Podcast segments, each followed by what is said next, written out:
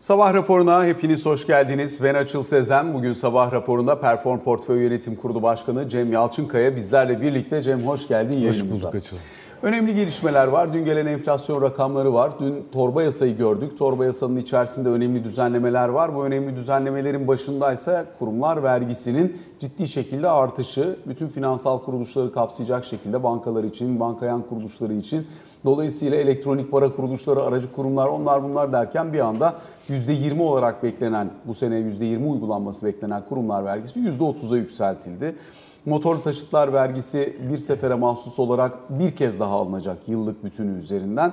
Bunlar önemli gelişmeler. Zira özellikle bir taraftan maliye tarafında bütçe açığının giderek arttığı bir ortamda buradaki kaybın bir kısmının telafisi anlamında dikkate değer e, alanlar gösteriyor bize. İşin bir bu bacağı var. Yüksek kalmaya devam eden bir enflasyon var. Dün her ne kadar geriliyor olsa da trend enflasyonun yükselmeye devam ettiğini gösteren önemli e, işaretler de var. Gıda enflasyonu mesela yaz ayları olmasına rağmen %3 civarında geldi. Oldukça kuvvetli ve burada işlenmemiş sebze meyve fiyatlarının ciddi şekilde baskı yaratmaya devam ettiğini görüyoruz. Çekirdek enflasyon yüksek, kur geçişkenliğini daha tam olarak görmediğimiz bir ortamda yeniden 40-45 bandını e, zorlayacak bir enflasyon altyapısını gösteriyor bize. Bütün bunlara bakarken bir yandan yurt dışında da Fed'den gelen açıklamalar var. Fed'in son toplantısının tutanaklarına bakıldığında şahin mesajlar gelmeye devam ettiğini görüyoruz. Özellikle kuvvetli istihdam piyasasını biraz mübalağalı bulduğunu anlıyoruz Fed e, yöneticilerinin bir kısmının.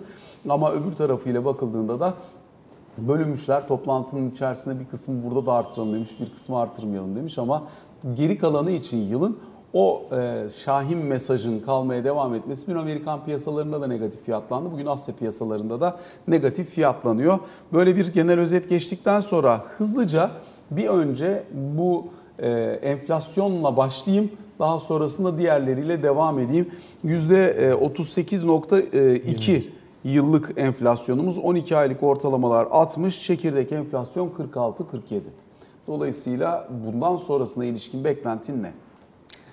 Tabii Açıl çok güzel özetledin her zamanki gibi. Ee, şöyle, tabii bir önceki yıllık tüfeğe göre bir düşüş devam ediyor. Bir öyle bakalım. 39.40, 38.21. Ee, hala baz etkisinin kısmen devam ettiğini görüyoruz. 4.5 beklenirken genel olarak e, medyan beklenti işte 3.80 civarında bir enflasyon tüfe manşetten bahsediyorum. Tabii çekirdek buna e, aynı şekilde reaksiyon vermiyor, aksiyon vermiyor ve üfede de bir yükseliş eğilimine tekrar girdik. E, bunların hepsi tabii önümüzdeki dönemde enflasyonun sıcak devam edeceğinin önemli bir göstergesi. Tabii biz e, önemli bir aslında devalüasyon da yaşadık. İşte seçimden bugüne baktığın zaman işte 20 liraydı, 26 lira çok basit %30 bir artış var. Şimdi bu devalüasyonun enflasyona yansımasını henüz gözlemlemedik. Yavaş yavaş bu geçişkenliği de gözlemleme ihtimalimiz yüksek görünüyor. Tabii diğer düzenlemelere de kısaca bir değinecek olacağım. Enflasyon tarafında ben bundan sonra da enflasyonun sıcak devam edeceğini açıl düşünüyorum. Yani e, bu hem bu geçişkenlik hem fiyatlara e, genel yansıma hem asgari ücretteki artış hem memur zamları e, hem kur korumalı mevduatın sonra da değinecektim belki ama e, Merkez Bankası, hazineden Merkez Bankası'na devri. E, bunların hepsi tabii enflasyonu körükleyecek gelişmeler. E, önümüzdeki dönem, dönem enflasyon sıcak kalır. Yılı da ben daha yukarılarda bir yerde bitirmesini beklerim açıkçası. Sen seviye vermek çok istemem şimdi ama önemli bir yani genel beklenti zaten 50-60 düzeylerinde bir yerlerde olacağı yönünde. Yani şimdi şu anki faiz düzeyinin karşılayabileceği bir faiz düzeyi derken politika faizinden bahsetmiyorum. Evet. Ama mevduat faizinden bahsediyorum ağırlıklı olarak.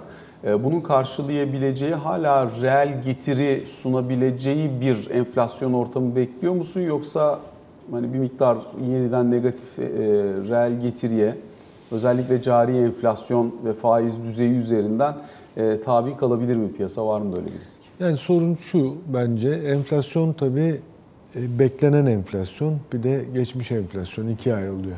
Hani biz beklenen enflasyon diye baktığımız zaman eğer bu geçişkenliği, bu asgari ücret artışını, memur maaş artışlarını ve işte Merkez Bankası kur korumalı mevduat, para basılması vesaire diye baktığımız zaman beklenen enflasyonu yüksek bir yerde tutmamız lazım. E ona göre şu anda Türk lirası e, faizler hala düşük. Yani reel olarak şöyle düşünelim 45 eğer enflasyon beklentin yıl sonu 50-55 civarındaysa hala faizin 10 puan altta olduğunu görüyoruz mevduat faizinin. E, kur korumalıya 40 civarında bir faiz veriliyor. E tabi bu çok avantajlı bir şekilde de devam ediyor açıl. Yani çünkü enflasyon devalüasyon şeyinden kendini hem kurtarıyorsun hem de 40 faiz alıyorsun. Dolayısıyla Türk lirası faizinin 45 olması bence şu an için yeterli görünmüyor. Ama yavaş yavaş artık kurun da geldiği seviyeyle yatırımcılarımızın veya e, çevremizin şunu sorguladığını görüyoruz. Yani buradan da dolar alınır mı? E, bak Türk lirası faizi de 45. Yavaş Alınır yavaş mı? bunlar sor- sorgulanmaya başladı. Ya şöyle seviyeden bağımsız açıl biliyorsun hani biz e, olaya biraz seviyeden bağımsız bakmak Hayır, yani zorundayız. %30 gitmiş bir para biriminin üzerinde aslında şahin mesajlar üreten bir merkez bankası var. Özellikle PPK metnine baktığın zaman, tutanaklara baktığın zaman oldukça kuvvetli mesajlar var. Yani bayağı şahin mesajlar var.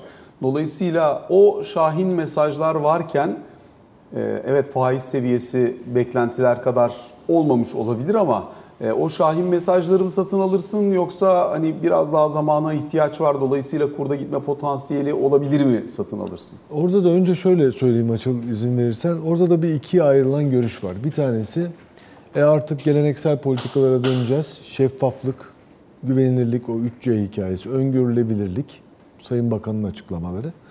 E, ve ortodoks politikalarla işte faizi de doğru seviyeye getireceğiz. Enflasyon doğru açıklanacak. Yani her şey şeffaf olacak vesaire vesaire.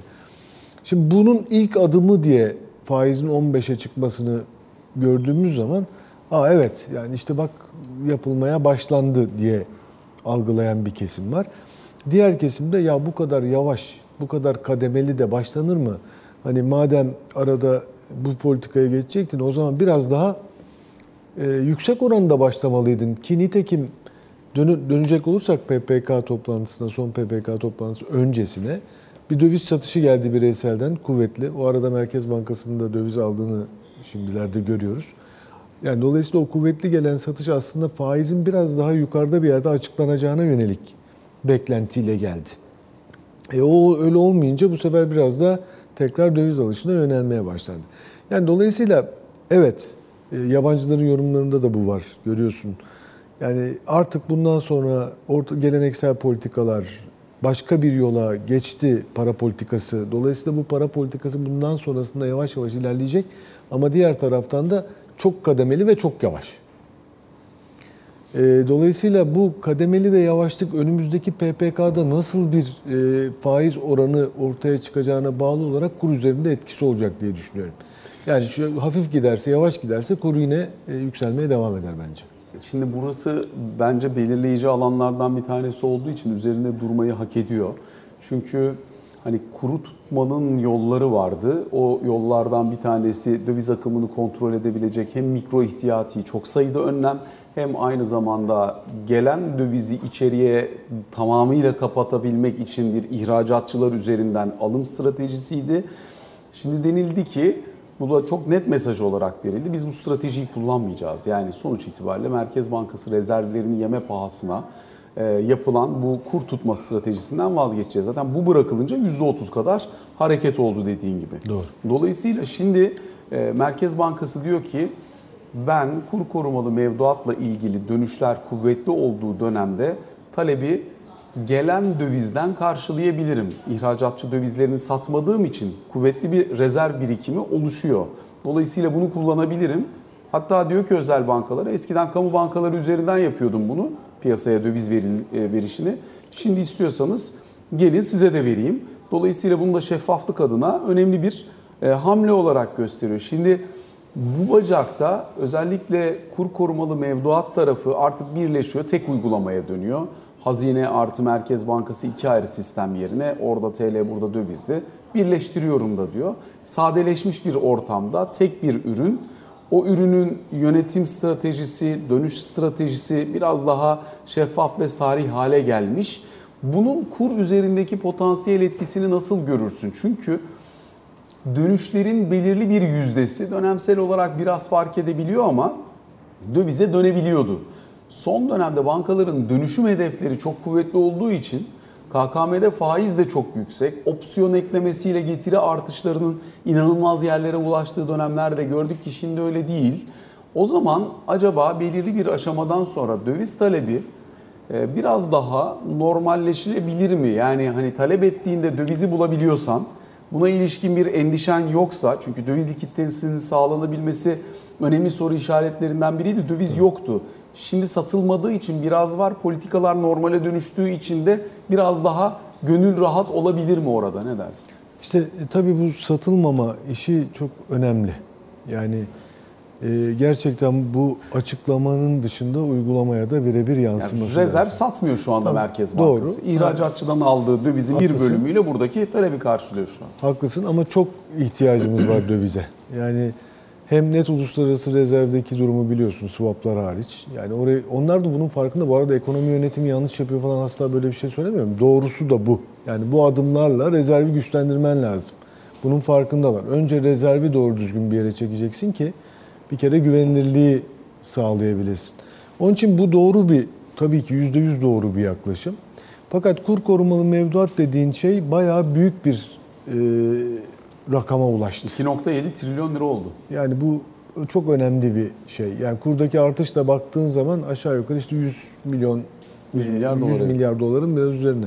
Şimdi 100 milyar doların üzerinde olan bir büyüklüğü %80-90 DTH'dan dönmüş, %80 DTH'dan dönmüş bir büyüklüğü karşılayabilecek tabii yavaş yavaş dönerse sorun yok. Merkez Bankası bunu karşılar ama hani biraz da e, rakamları iyi okumak lazım sanki. Yani çok kolay değil. Net, eksi net uluslararası rezerv kısa vadeli borcun var. Yani baktığın zaman işte 203 milyar dolarlara ulaşmış olduğu bir kısa vadeli borcun var. E dolayısıyla bunları tabii bu içerideki ihracatçı döviziyle falan karşılayabilmen çok mümkün değil. Yani burada aslında önemli Ama zaten şu anda birebir KKM'nin bugünden yarına bitmesi falan da pek mümkün ya. Birkaç sene bizle birlikte olmaya devam edebilir Evet, gibi görünüyor yani. Öyle görünüyor ve bundan sonra yeni açılmalar durdurdu falan. Çünkü bu ürün hakikaten hani o ilk 18'e gittiğinde sahiden iyi üretilmiş bir ürün. Yani tabii ama 30 milyar dolarlardayken falan iyiydi. Yani şimdi 100 milyar dolar bu bayağı bir büyüklük. Ee, onu söylemek istiyorum. Haklısın. Uzunca bir süre hayatımızda olacak gibi ve dünyanın da hakikaten önemli opsiyonlarından birini de şimdi artık e, Merkez Bankası sunuyor durumda e, kalacak. Yani önemli bir opsiyonu aslında bedavaya bu mevduatın içerisine saplayıp sunuyorsunuz. Bunun bayağı büyük bir bedeli var normalde. Yani dolayısıyla bu ürün herhalde hayatımızda bir süre daha devam edecek açıl. Biraz önce programa başlarken söyledim ama e, bu da üzerine konuşmayı hak eden konulardan bir tanesi. Torba yasa ve beraberinde getirdikleri. Şimdi elbette tüketici olarak hepimizin hayatını çok doğrudan ilgilendiren, etkileyen, cebimizden para çıkışına neden olan belli başlı unsurlar var. Mesela işte motorlu taşıtlar vergisi. E, ikinci taksidini bu ay ödüyorsun. Hemen arkasından bir yıllık daha e, bir kez daha ödeme çıktı. Şimdi bunlar bugüne kadar hiç hemen hemen görmediğimiz sadece genişleyici bir maliye politikası ve gider üzerinden devam eden tüketim de çok kuvvetli. Neden? Çünkü zaten enflasyon var, kredi genişlemesi özellikle bireyselde çok artmış.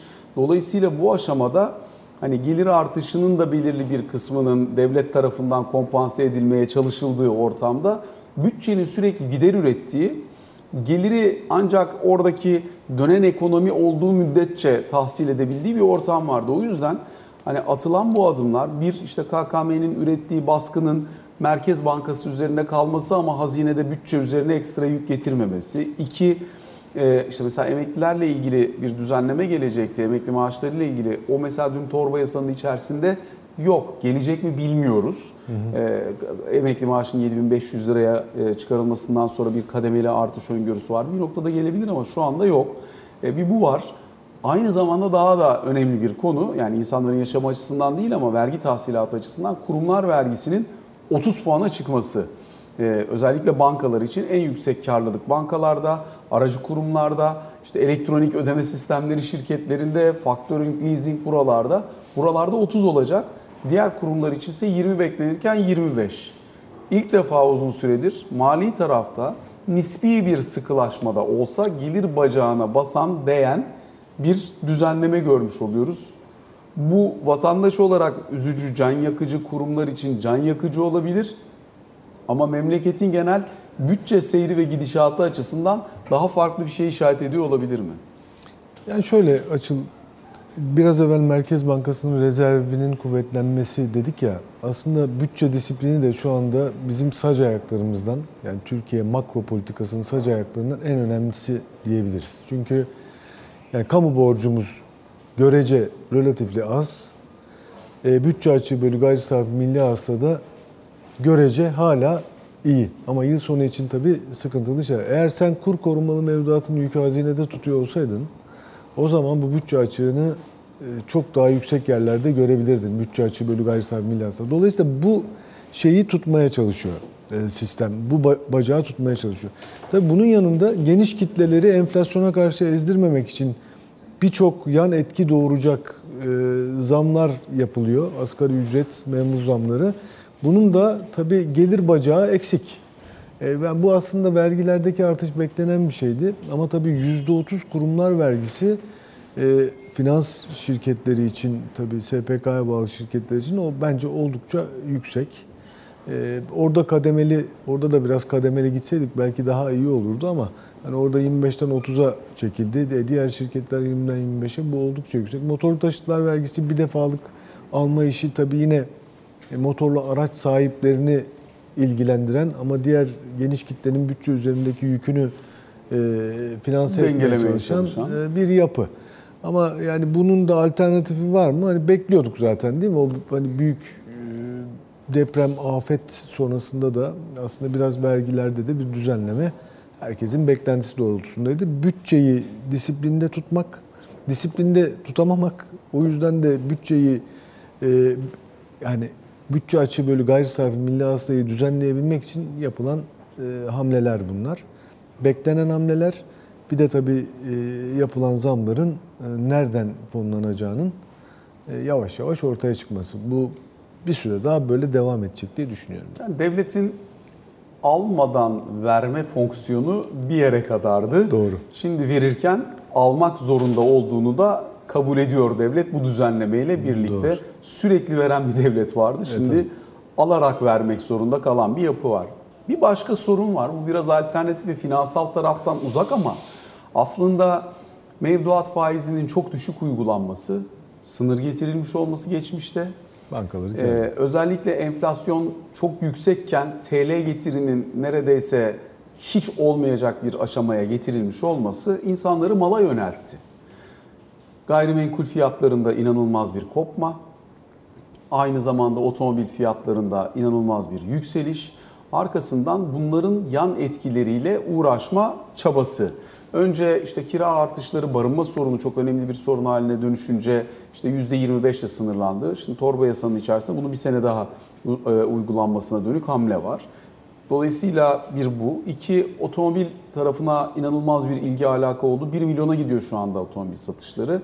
Çünkü mala giren kazanıyor.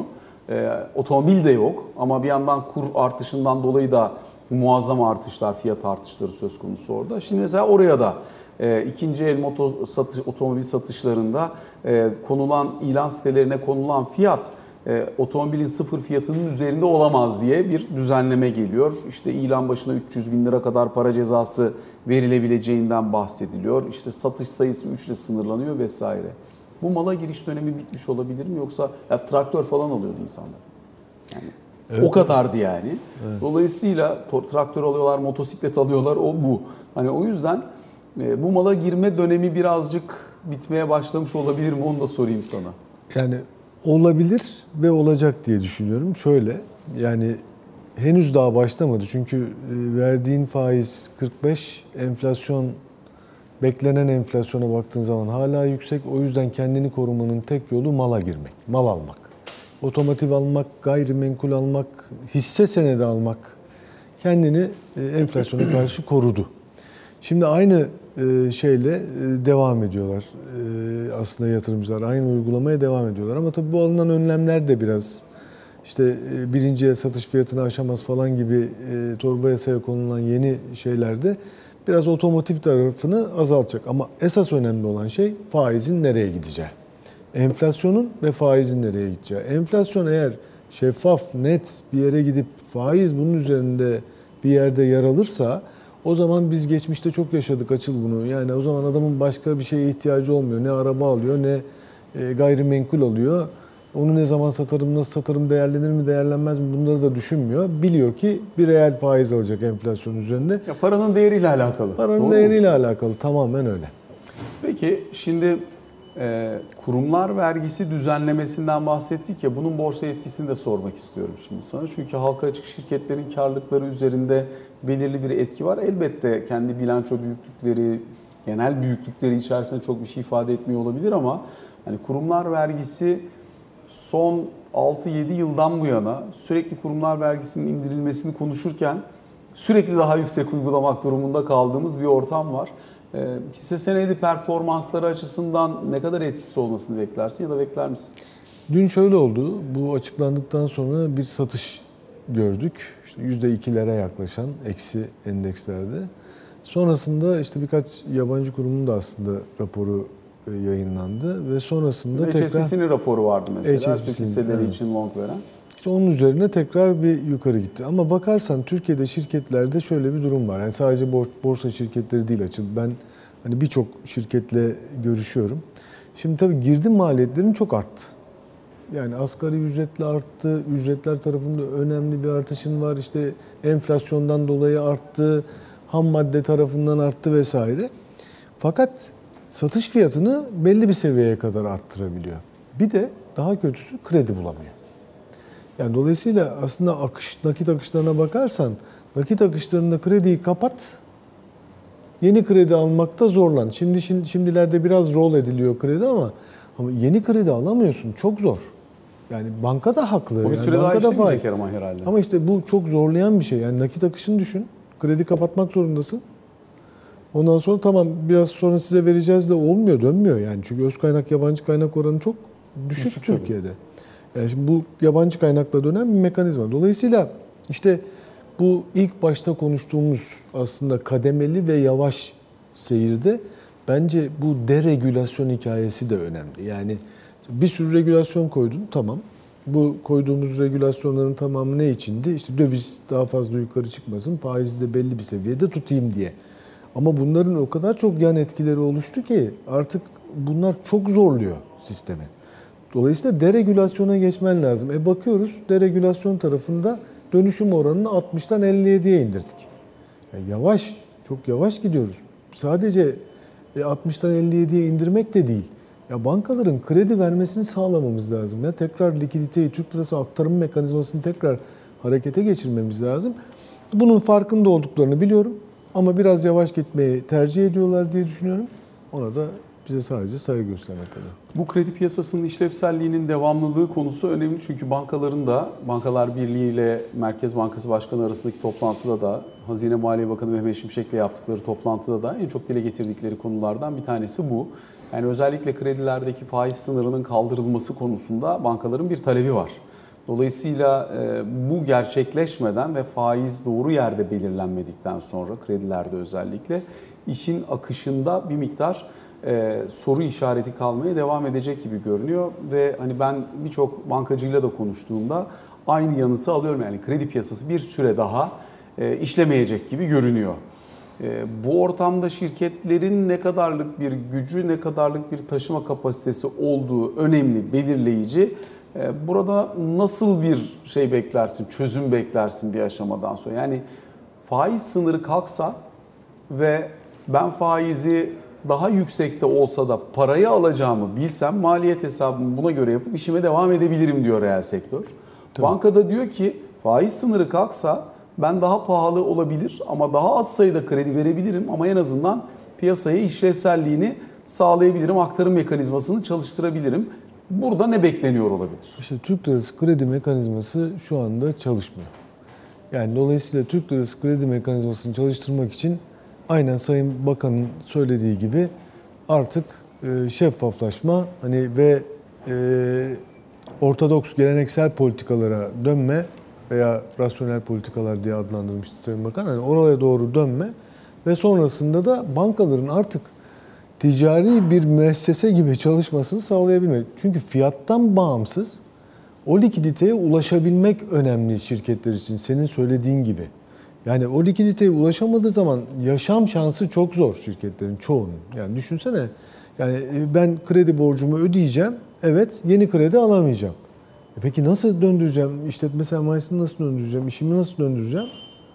E yavaş yavaş bu artık o kadar yüksek bir TL maliyetle girip çıktığı karlara o kadar zor yansıyan ve e, hakikaten zorlanılan bir yıl oluyor ki yani bir- birçok Anadolu'lu önemli sanayiciyle de sohbet ederken bazı yıllar kar yılıdır, bazı yıllar ağır yılıdır der- derler. Bu ağır yıl dedikleri de aslında yani bu yıl kardan falan vazgeçtik. Bu yıl kendimizi en azından mümkün olduğu kadar döndürebilelim veya zararı limitleyebilelim veya çok fazla küçülmeyelim anlamındadır. Hani bu 2023'e biraz ağır yıl olarak bakıyorlar ama gerçekten şirketlerin çoğunun bu Türk lirası kredi bulamamaktan dolayı büyük nakit akışı sıkıntısı içine girebilme ihtimalleri var. Bir an evvel bu fiyat, bu faiz şeyini bırakıp Türk lirası krediyi çalışır hale getirmek lazım. Mevzu faiz, fiyat yani. Son olarak sürenin sonuna yaklaşıyoruz ama e, yine hisse senedi tarafına dönüp orta uzun vadeli stratejide ayrılabilecek alan ne kadar hisse senedini bir bunu sormak isterim. Yani 45'lerde mevduat faizi var. 40'larda kur korumalı mevduat var. Dolayısıyla opsiyonuyla ve faiz getirisiyle döviz almış oluyorsun bir tarafıyla baktığın zaman. Hani böyle bir imkanın var. Öbür tarafta da hisse senetlerinin aslında normal koşullarda yüksek enflasyon ortamında enflasyon kadar kendini revize etmesi, yukarı atması beklenir. Şirket değerlerinin de buna uyum sağlayabilmesi adına. Dolayısıyla oradaki potansiyel mi, buralardaki alternatif getiriler mi? Ne dersin? Şöyle ufak da olsa bir hisse senedi piyasasına yavaş yavaş giriş yapmak uygun gibi görünüyor bana baktığında genel anlamda hani risk, riski katmadan. E tabi biz yani burada biraz daha işte otomotiv, Türk e, otomotiv, ulaştırma vesaire gibi bizim e, arkadaşların da hep dile getirdiği e, sektörler var. Onlar da e, gerçekten iyi gidiyorlar. Yani şunu söylemek istiyorum. Şimdi tekrar nereye döndük hisse senedi piyasasında? Şuna döndük. Döviz yükseldikçe de yükselen bir piyasa. Geçmişte yaşadık bunu. Yani dolar yükseliyor, dolar bazında şirketler düşük kalıyor diye e, şirketlerde de bir yükseliş oluyor.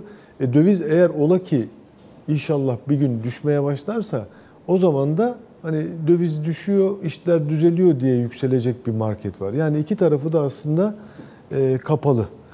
Yani iyide de yükselecek bir piyasa, hisse senedi piyasası şu anda. Döviz konusunda yukarı gidişte de yükselecek bir piyasa haline geldi. Dolayısıyla şu anda e, bence önemli bir imkan e, var. Çok teşekkür ediyoruz Cem teşekkür Yalçınkaya ederim. aktardığım bu değerlendirmeler ve yorumlar için sana. Kısa bir araya gideceğiz. Sonrasında Ali Can Türkoğlu ile birlikte ikinci bölümde karşınızda olacağız.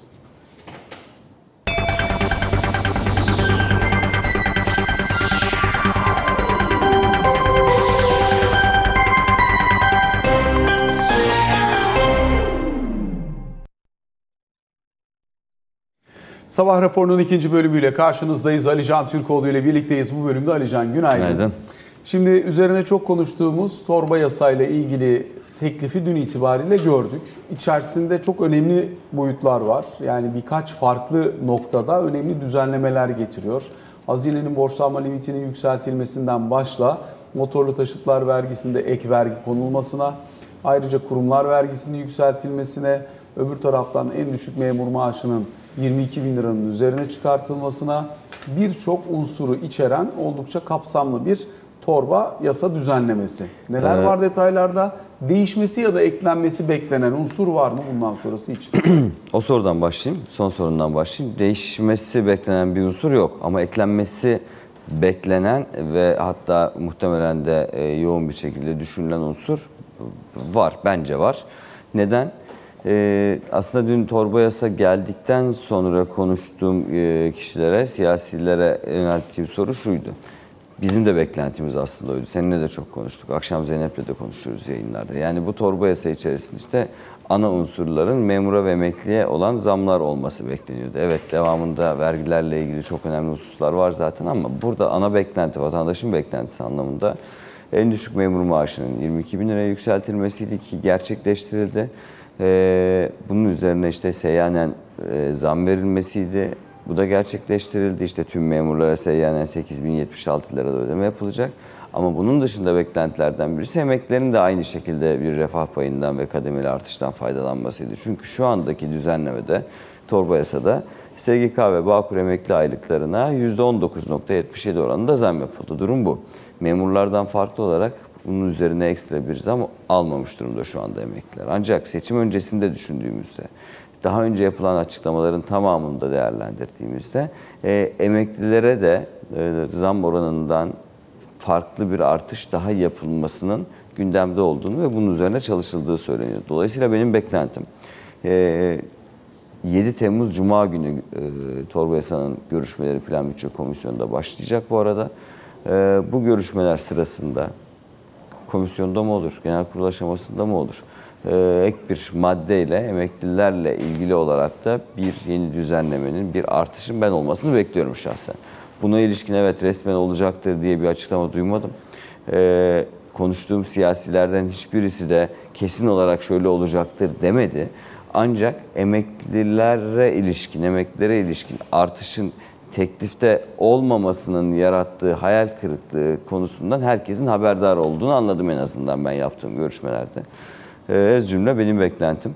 Ee, bu konu yasa Türkiye Büyük Millet Meclisi'nde görüşülürken emeklilere ilişkin de bir ek maddenin e, yasa tasarısına eklenmesi yönünde olacaktır diye ümit- bekliyorum ve bek- ana beklenti aslında o. Ümit Ümit de o. musun? Benim kendim şahsımı çok fazla etkilemiyor ama em- sürçmesi mi oldu onu bilmiyorum. emekliler açısından ümit ediyorum diyeyim. Çünkü e, böyle bir beklenti doğdu aylardır, yani haftalardır en azından Söylendi bu konu de yani. konuşulduğunda da. E, e, sonuçta bir seyyanen zam yapıldıysa memura buna ihtiyaç duyulduğu için yapılmıştır. Aynı şekilde emeklilerin de buna ihtiyaç duyduğu konusunda hepimiz de hemfikiriz. O açıdan şahsen ümit hani beni etkileyen bir durum yok ama ben emekliler açısından ümit ediyorum öyle tamam mı? Ee, onun dışında e, özellikle vergilerle ilgili düzenlemeler oldukça kritik. Neden? Motorlu taşıtlar vergisini söyledim. Bir defaya mahsus olarak ek bir motorlu taşıt vergisi getirildi. Yani iki kere emek, e, motor, emekli, ağzıma, ağzıma emekli takıyorum. İki kere motorlu taşıt vergisi ödenecek bu sene. E, asgari ücret desteği bu senenin sonuna kadar e, 500 liraya çıkarılacak.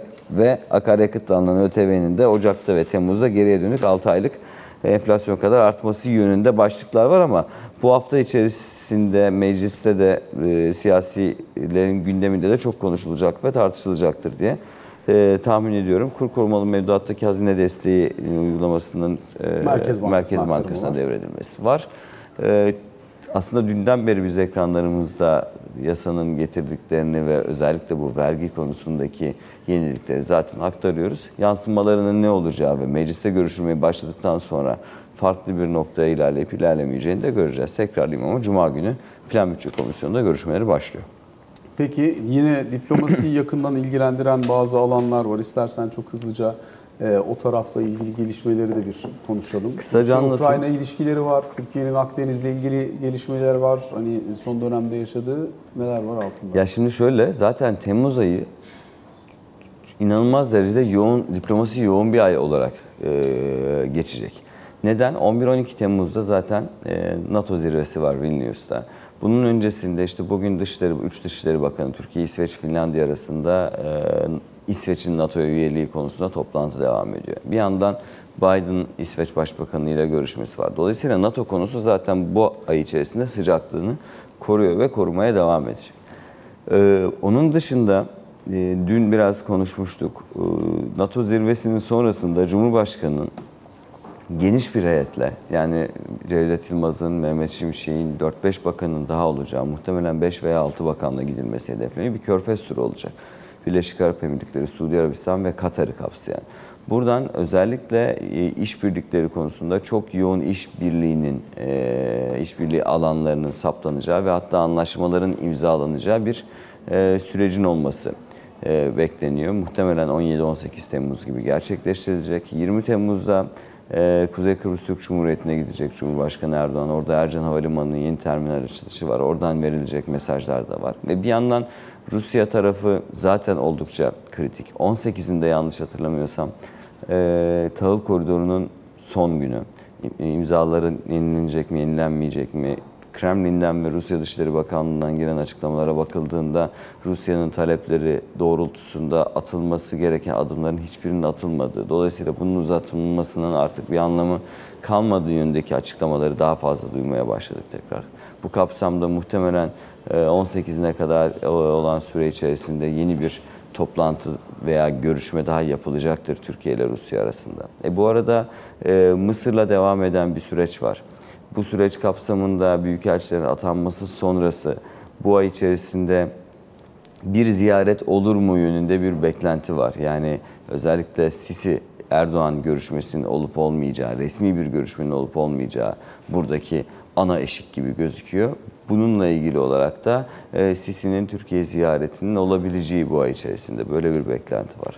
Rusya-Ukrayna savaşı özelinde yani tahıl koridorunun dışında Rusya-Ukrayna savaşı özelinde e, Türkiye'nin devreye girme girişimleri zaten düzenli olarak oluyor bilindiği gibi arabuluculukla ilgili olarak. Bu konuda e, yine yakın zaman içerisinde Zelenski ile Erdoğan arasında bir görüşmenin olabileceği ifade ediliyor. E, kısa bir süre içerisinde bu arada. Tüm bunları Türkiye-Rusya ilişkileri gözüyle okuduğunda Zelenski Erdoğan görüşmesi mi? Zelenski, Erdoğan, Türkiye, Mısır, Türkiye, Suriye ilişkileri çerçevesinde hani çok yoğun bir diplomasi olduğunu anlıyoruz ya. O açıdan soruyorum. Yani Türkiye-Rusya ilişkilerini olumsuz etkileyecek bir unsur olarak değerlendirilmiyor Ankara'da. Yani atılan adımlar veya yapılan görüşmelerin Türkiye-Rusya ilişkilerini bozacak bir noktaya geleceği veya getirilmesi e, e, amaçlanmıyor ve yapılacak görüşmelerin de bunu sağlayacağı da düşünülmüyor. Yani özellikle mesela Zelenski ile Erdoğan arasında diyelim ki yüzde bir görüşme oldu ki benim beklentim o e, kısa bir süre içerisinde. E, bu görüşmenin olması e, bir anda Türkiye-Rusya ilişkilerini olumsuz noktaya iter mi ise sorun bunun cevabı Ankara tarafından Yani hayır. Türkiye'ye geliyorsa, burada temasta bulunuyorsa vesaire gibi şeylerden bahsediyorum. Ara buluculukla ilgili olarak Türkiye zaten daha önceden de girişimlerde bulunmuştu. Dolayısıyla bunun yani Zelenski Erdoğan görüşmesi, Türkiye Ukrayna görüşmesi veya farklı bakanlar veya farklı yetkililer arasındaki görüşmeler e, savaşın durdurulması ve e, Bir beyanından ziyade bir, bir an önce evet olumlu adımların karşılıklı adılması, atılması tarafından değerlendirildiği için hayır Türkiye ile Rusya arasında ilişkiyi bozacak bir unsur olarak e, düşünülmüyor. Teşekkür ettik Ali Can. Sabah ediyorum. raporunu böylelikle noktalıyoruz.